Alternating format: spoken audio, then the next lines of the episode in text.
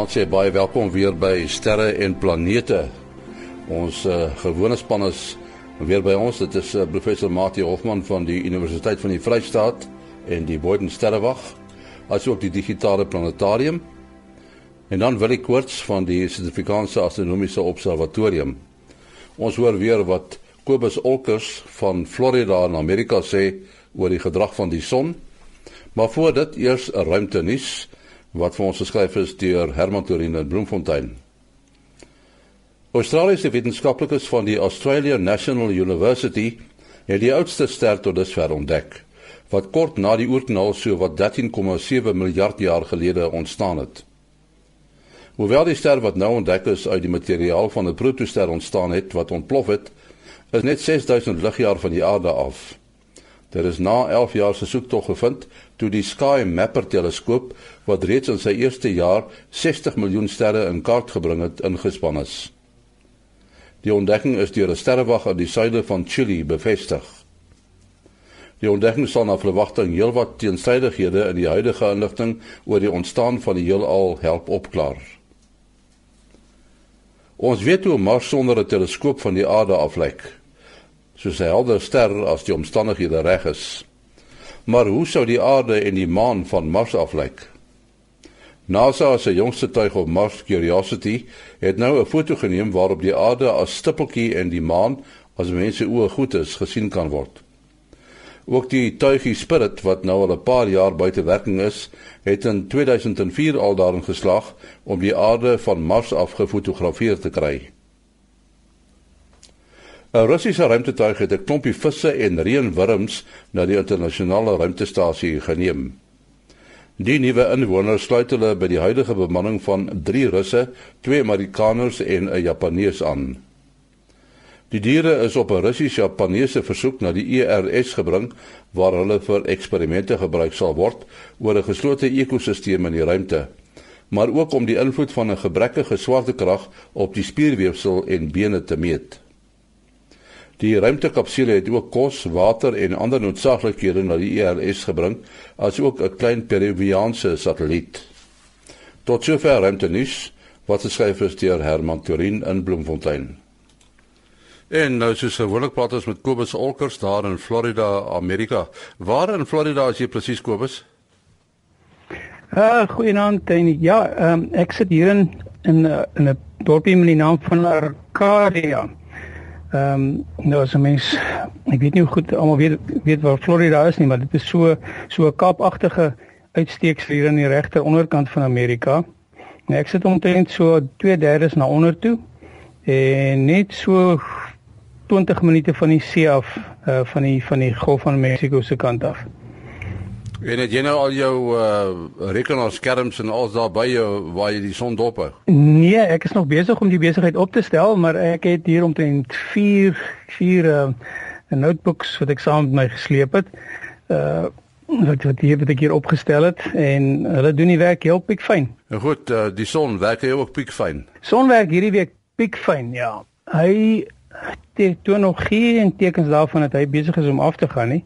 Hy is gepeper met sonvlekke. Ons twee grootes van verlede week waaroor ons gesels het is natuurlik dat hom nou van die het nou van die horison afgedraai. Maar ons sit met vier komplekse groepe, nee, vyf komplekse groepe. Daar's nog eenetjie besig om op om, om die kant te verskyn. Ehm um, nie een van hulle het 'n uh, beta gamma delta met ander woorde 'n vreeslike komplekse magnetiese konfigurasie nie en die delta gedeeltetjie is nou maar net 'n gemodifiseerder wat wat ons gebruik is as die as die noordpole en die suidpole so naby aangedruk aan mekaar gedruk is dat hulle nie anders kan as om uit te bars. So ons sit met vier van hulle ons, ons kry tipies hier in die so M-klas fakkeltjies van hulle af. Uh dit gaan nie vir ons luisteraars enige probleme hierdie week veroorsaak nie. Ons ook nie groot uh korona gate nie. Dit gate in die korona is natuurlik nou daar waar die son se wind uit uitblaas soos soos uit die uh, gat in 'n ballon uit. Uh, so ons het geen probleme van hulle nie. Daar is wel 'n uh, hoe mooi fris een wat so 45 grade uh, breedtegraad sit. Hy's besig om om die kant te draai en hy gaan van so oor 'n week week en 'n half 'n probleempie begin gee. Maar dit sal ook weer net ons langafstand uh, radioluisteraars wees wat wat daardie beïnvloed gaan word. Nou goed, jou besonderhede Kobus. Ehm um, ja nee, dit lyk vir my my my ehm um, selfoon het nou permanent opgehou om my te volg hier. So dit sal nou maar moet uh, Kobus Olkers by gmail.com uh, wees en dit is natuurlik Kobus met 'n K. Ons het gehoor Kobus Olkers daar in Arcadia in Florida, Amerika. Nou ons het weer uh, vir Willie Koorts van die SAAO en vir uh, professor Mati Hofman wat uh, drie uh, werke doen by die digitale planetarium Universiteit van die Vrystaat en die Boden Sterrewag. Uh, hoe kry jy dit reg om al drie werke in te pas, Mati? Uh, en dit is nogal gerieflik want die mense dink altyd ek is by 'n ander plek. Uh, nee, maar dit gaan daaroor. Ons het daar nou wat mense wat ons uh, wat ons help en uh, mense is nie altyd 100% op datum met al jou werk nie. Dis nou maar ongelukkig wat gebeur. Jy doen maar die belangrikste dinge uh, eerste maar die feit is die die, die projekte wat mense energie gee, my, my vak gee my energie, ek is baie lief vir my fisika en dan die beide die planetarium en die sterrewag is fantastiese fasiliteite en uh dit is my passie om dit om nie dat dit nie net vir harde wetenskap moet wees maar ook daar moet wees om die storie van die wetenskap met die publiek te deel. Uh mense soos ek en Willie hou baie daarvan om vir ander mense te verduidelik omdat dit so wonderlik is. En die die feitelik alle mense wat ek nog ooit ontmoet het van die sterrehemel interessant. En vir die wat al by planetarium kom dit is baie baie goeie tegnologie. En by die sterrewag nie so baie presentasie van die mense het nou al regtig die uh, goeie teleskope na die sterrehemel gekyk nie. Um, maar ek moet sê ek is baie dankbaar. Ons is by die universiteit en hier's baie uh, skerp jong mense wat daar ook daarvan hou om die onderwerpe met die publiek te gaan deel. So gelukkig hoef ek nie naaste by alles alleen te doen nie Ja, wil jy uh, jou in jou geval, jy weet ek ek uh, het al dikwels gewonder Lyk my jou werk is ook jou stokperd, of is ek nou verkeerd? Tot 'n mate. I mean my my amptelike amptelike werk is elektroniese tegnikus en ek het nou al by verskillende plekke gewerk waar ek in die elektronika uh, moes werk en en um, instrumente ensovoorts en, en en ek is net oor die algemeen belangstellend in om wat om my aangaan so toe ek by die voermeel gewerk het, het ek probeer uitwerk hoe maak hulle voer en toe ek by die plofstoffabriek gewerk het, het ek uitgemaak hoe hoe hoe maak hulle plofstof en en en nou moet ek probeer uitwerk hoe maak hulle sterre nou ja gelukkig hoef dit so te maak nie. Ons kan dit nou net bestudeer. En uh, dit is natuurlik 'n 'n lekker 'n uh, posisie om in te wees om ehm um, uh, basiese sterrekundiges in uh, goeie Afrikaans on tap te hê dat mense uh, as mense vrae het kan jy die tyd gou een van hulle nader roep en sê jong so en so. En ek het nou dik dit gelees verduidelik dit gou vir my 'n bietjie. Ja maar soos Madi sê dit is maar 'n algemene fisika agtergrond en en uh, die wetenskaplike tegnieke wat ons selfs in elektronika en instrumentasie toepas maar uh, die sterrekunde is eintlik 'n wonderlike 'n uh, uh, uh, medium soos Madi genoem het dat uh, as mens nou byvoorbeeld in uh, in in in sê deeltjie materie fisika is uh um by 'n versneller sentrum of wat ook al en jy moet nou vir iemand van die publiek verduidelik hoe werk 'n Higgs boson en wat ook al dit is ongelooflike ingewikkelde uh tegnieke en jy het 'n klomp basiskennis nodig hierso. En die sterrekunde is eintlik lekker in die sin van dat 'n mens vir die algemene publiek deur hulle oog by 'n oogstuk te kyk en te kan sien die ringe om Saturnus of die strepe op uh, Jupiter of in gasnevel en en, en dan kan 'n mens 'n bietjie uitbrei oor dis die geboorteplek van sterk sterre in die nevels ensovoorts. So dit is eintlik 'n amper 'n tasbare manier uh, waarop die publiek ook uh, kan deel in in hierdie wonderwêreld van van wat wat nie net noodwendig vir die uh, professionele uh, sterrekundiges beskore is nie. Matian, watter uh, vereistes dink jy moet 'n mens voldoen as jy nou 'n sterrekundige wil word? Moet jy sterk wiskunde wees? Moet jy baie geduld hê? Moet jy min slaap? Wat wat Mens kan as jy nou van sterrekundiges en astrofisici praat, dan kan mens breedweg onderskei tussen die mense wat meer fokus op die waarnemings en die instrumente en die ouens wat meer hulle besig hou met die teorie. Nou as jy in die teoretiese aspekte van die sterrekunde en die astrofisika aangaan, dan is wiskunde nou maar 'n groot vereiste. So jy moet maar verkieslik bogemiddeld in wiskunde en verkieslik goed wees. Uh, hoe makliker is dit vir jou? Maar kom sê jy is uh, redelik in wiskunde, maar jy het 'n passie vir die onderwerp en jy hou van instrumente en met jou hande uh, bietjie aan goed werk, bietjie uh goed regmaak en so aan. Ehm um, wel dit natuurlik op uh, nou nie op die vlak wat ons sit in ons motorhuis doen nie, maar op 'n baie meer gesofistikeerde vlak in die skoon laboratoriums wat hulle nou by die sterrekundige uh, instellingswerk. Uh so jy het 'n aspek vir verskeidenheid van van mense. Die interessante ding is dat die sterrekunde is een van die velde, natuurwetenskaplike velde wat reeds uh meer as 'n eeu terug het vrouens al 'n prominente rol daar gespeel. So dis nogal gewildelik onder uh dames studente. Ehm um, mens moet jy hou van avontuur want in die proses wat jy sterrekunde doen, moet jy maar of jy nou teoreties is of nie, jy moet met waarnemings uh waarnemingsdata gebruik. Jy kan net met wiskunde werk nie. Jy moet dit met die werklikheid gaan koppel en die indigting in die sterrekunde word hoofsaaklik deur teleskope van verskillende soorte ingewin. Uh en jy moet ook jou as jy nou 'n studieleier is, moet jy jou uh, studente met data laat werk wat van verskillende teleskope afkom en verkieslik moet hulle van die data self verkry. En uh, daar kom jy avontuur in dat jy moet van uh weet sterre wagte soos daar by Sutherland besoek um, en dan tyd kry om op 'n teleskoop te werk. Uh, dit is van die ouer teleskope, die nuutste teleskope, daar sal wel nie meer weet so salt gaan jy nie jy gaan hulle jou nie sommer op die kontroles toelaat nie. Daarso het jy nou toegewyde tegnisie wat die waarnemings vir jou doen, maar jy kry altyd beter resultate as jy wel kan teenwoordig wees, dat jy kan uh, reageer op die kwaliteit van die data en kan kan aanpassings maak wat jy wil waarneem, hoe jy dit wil waarneem. So daarso is uh, sekerlik harde werk soos in enige ander rigting, maar veral in die sterk en kom nou daai aspek by dat jou beste waarnemings gaan jy gewoonlik op koue winteraande kry.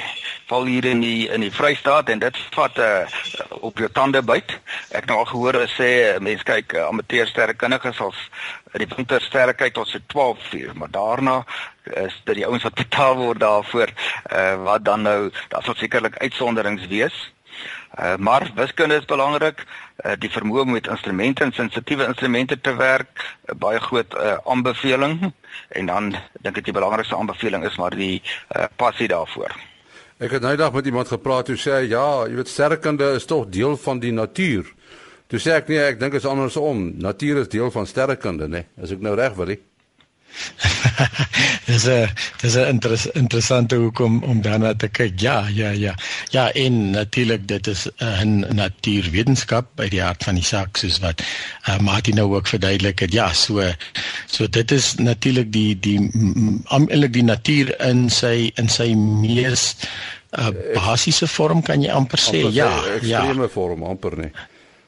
Ja. Dit, dit is korrek. Ja, ja, ja, want dit is dit is dan ook 'n uh, sterrekundige is ook is ook 'n uh, sterrekunde is ook uh, een van hierdie soort van uh, basiese wetenskappe waar waar dinge vandaan kom ensovoorts. So 'n goeie voorbeeld is byvoorbeeld ehm um, die manier wat jy uh, die lig analiseer. Nou mens moet miskien net weer teruggaan wat ons altyd bos gesê het. 'n Teleskoop gaan nie die ster vir jou vergroot dat jy kan sien daar's uh vlekke op soos op die son ensovoorts nie. Dit is net baie naby en baie groot sterre wat met baie spesiale tegnieke wat jy uh, dit kan sien. So die die sterrekundiges maar net aangewese op 'n ligpuntjie. En en die ligpuntjie uh, moet dan geanaliseer word om dan 'n klomp goed daar uitwys te word en een van die uh, tegnieke is spektroskopie en dit is natuurlik dieselfde tegniek wat uh, wat forensiese mense gaan bepaal wat se gif het 'n persoon gedrink of wat was in sy bloedstroom ensovoorts. So dit is die baie uh, selfde tegnieke, maar in die geval kyk jy net na uh, materiaal wat baie baie ver van jou af is en dan in die ander verskil is dat die drukke en temperature en prosesse wat in die sterre gebeur, kan jy baie maal nie in jou laboratorium namaak nie. Uh sonder om jou laboratorium op te blaas nie, want die die son is maar basies 'n groot waterstofbom wat die hele tyd aan die gang is. En so ook is die is die sterre.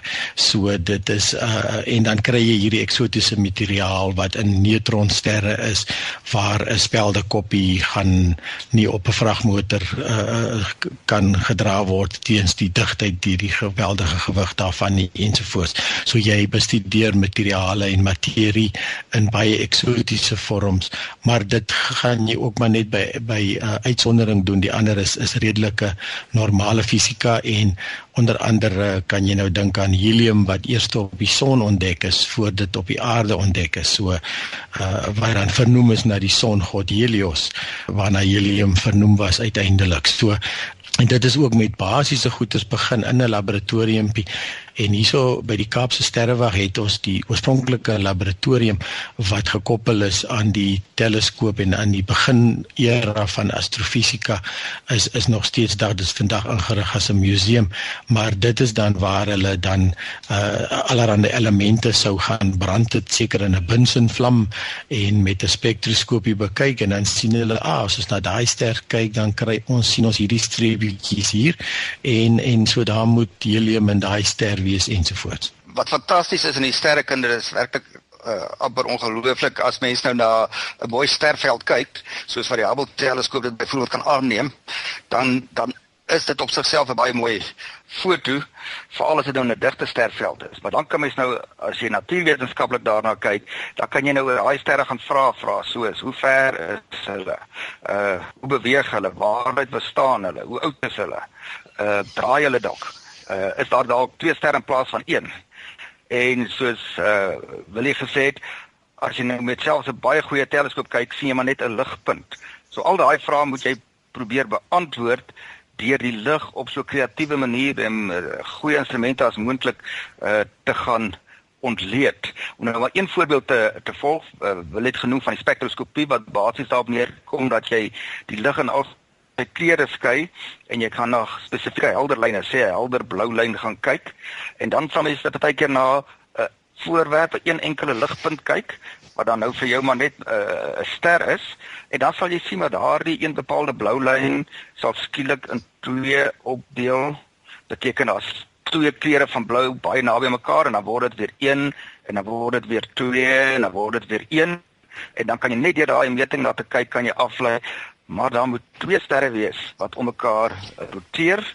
Ehm um, en as hulle op 'n sekere oriëntasie is, is die een ster besig om bietjie ver weg te beweeg van jou af en die ander een beweeg na jou toe en ons sien dan nou die met bo van die Doppler effek maak dat weens die beweging verander die kleur van die lig 'n bietjie. So dis nou een voorbeeld deur net die spektrum te ontleed en te kyk hoe dit verander, jy 'n afleiding kan maak en jy iets kan voorstel wat jy nie direk uh, kan uh, kan sien nie. So op die ou end is deur kumulatiewe effek van baie teorieë, baie sterrekundiges oor die laaste paar honderd jaar kan baie van die vrae oor afstand, ouderdom, massa, temperatuur kan met redelike sekerheid uh, beantwoord word. Mate, ek wil nou vir jou vra vra, jy praat oor afstand en so aan. Is daar 'n korrelasie tussen afstand en ouderdom van sterre? Dis nou veral in die lig van hierdie eh, nuwe fonds, die die, die oudste ster sogenaamd, maar wat maar 6000 ligjaar weg is, dis baie naby. Ja, so dis die oudste ster sover waargeneem want dit is maar in ons eie sterrestelsel. So uh, dit is verstaan dat daar so 'n uh, ou ster hier in ons sterrestelsel kan wees. Ek was nogal baie uh, verbaas. Hulle dit was baie vroeg in die heelal se geskiedenis moes hy gevorm het en die manier hoe hulle uh aanduiding kry van watter generasie ster uh, dit is is om te gaan kyk na uh, hoeveel yster daar in daardie ster is en hierdie ster uh wel hulle skat hom op 'n uh, ouderdom van omtrent 13.6 13.7 biljoen uh jaar. Uh dit vreeslik min yster in wat dan beteken dit moet van die oudste sterre wees uh, wat gevorm het. Die die rede hoekom hulle dit kan sê is dat wel 'n ja, ster word gevorm uit deur samentrekking van van gasse in 'n bepaalde omgewing. Ehm um, en die die generasiesterre soos ons son bevat baie yster. Uh, wel ek het gelees wat hulle sê as jy 1000 keer die massa van die aarde vat in yster, dis hoeveel yster daar in die in die son is. En daai yster kon net gevorm gewees het volgens die beste verstaan van die van die geskiedenis van die heelal in supernova ontploffings.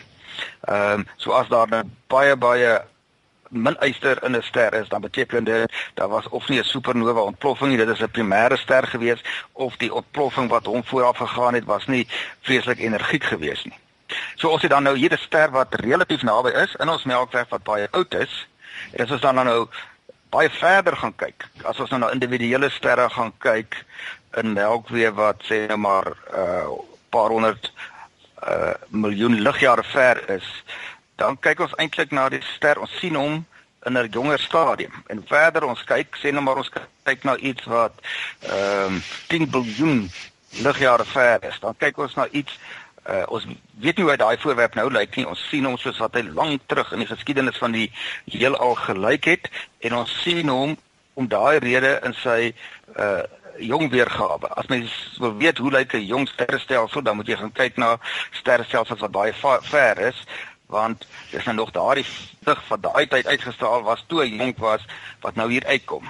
As ons sê nou maar hy dan nou 10 biljoen ligjare en ons wil weet hoe lyk hy vandag, dan moet ons oor 10 biljoen jaar kyk en dan gaan ons van die geskiedenis van vandag sien, maar ons gaan nie weet hoe lyk hy op daai stadium nie. So dis ook een van die uh aan die een kant 'n frustrasie, maar aan die ander kant is dit ook nuttig want jy het nou 'n rekord wat vir jou opgeteken is in die sterrehemel. Hoe verder jy kyk, hoe jonger stadium van die van die heelal sien jy. Dis maar soos in die argeologie ook, hoe dieper jy grawe, hoe langer terug se se items grawe jy op. So dit lyk soortgelyk amper uh, by wat jy van analogie met die sê, hoe verder jy kyk, dan kry jy inligting oor uh, jonger voorwerpe en dit uh, jy kan nie direk daaruit iets sê oor die ouderdom daarvan nie. Uh maar jy kan nie iets sien as jy iets na baie ver kyk terwyl hy oud was nie want die lig wat hy uitstraal terwyl hy oud is het ons nog nie bereik nie. So wat jy eintlik sê is daai lig nou tipies die 13.7 biljoen ligjaar, daai daai lig van daai sterre wat nou by ons uitkom, is terwyl hulle nog jonk is. Dis dis reg, dis pre, pre, presies dit. Nou of daai ster nog bestaan, dit is onwaarskynlik as dit so lank terug is. Uh maar sekere sterre kan so lank leef. Dit hang af hoe groot hy is. Groter sterre sal miskien 'n uh, paar honderd miljoen jaar uh, oorleef. Sterre soos ons son kan 'n leeftyd van ja, tot 'n 10 miljard jaar wees. Uh die eindstadium van so 'n ster is 'n wit dwerg wat op so groot afstand waarskynlik nie gesien kan word nie, maar was in elk geval nog nie genoeg tyd dat daai lig ons uh sou bereik het nie. Wat die uh kraters op op planete, dit is nou 'n uh, interessante ding. Daar's nou 'n nuwe krater ontdek op die uh op die rooi planeet Mars. En uh my vraag is nou Eh, die feit dat daar lyk vir my, jy weet, telkens nuwe kraters daar ontstaan, uh, sê vir my iets en dit is dat uh, dis seker omdat die atmosfeer van Mars nie so dig is nie dat, dat daar meer impakte is, is ek reg? Ja, dit dit die atmosfeer gaan definitief ja, kyk Mars se atmosfeer is maar omtrent 1% van die van die aarde. So ons wel kry wel wind en sulke goeters. Ons het gehoor van die stof wat dit opwaai en wat op die karretjies se sonpanele waai ensovoorts. So uh, maar dis 'n baie baie dun atmosfeer. So ons 'n uh, digter atmosfeer op aarde is natuurlik 'n baie wonderlike beskermingsmaatreël teen uh, goed wat inval uit die buitenste ruim. En uh, meeste van die verskietende sterre as jy vanaand uitgaan behoort jy so binne 15 20 minute 'n uh, verskietende ster te sien. Uh, dit is min of meer die gemiddeld. En en so daar val ongelooflik baie goeters elke dag in op die aarde. En uh, um, maar die meeste van dit brand onskadelik bo in die hoë atmosfeer uit. Dis net die groot goed kraters wat deurkom. Nou ja, hierdie kraters baie interessant. Ehm um, daar is uh, mos 'n hele paar ruimtetuie wat om Mars nog in uh, wentelbaan is en nog altyd foto's neem en uh, een van hulle is die Mars Reconnaissance Orbiter en ehm um, en dit neem gedurig nog foto's en in, in Julie 2010 uh het hulle uh, uh, uh, daai gebied oorgevlieg en daar was nie 'n krater nie. En in Mei 2012 uh toe die uh, Mars Reconnaissance Orbiter weer daar oorvlieg toe daar skielik 'n krater. En die kratertjie is baie duidelik die die die die materiaal wat uitgegooi is is so ver as 15 km uitgegooi so 30 meter krater.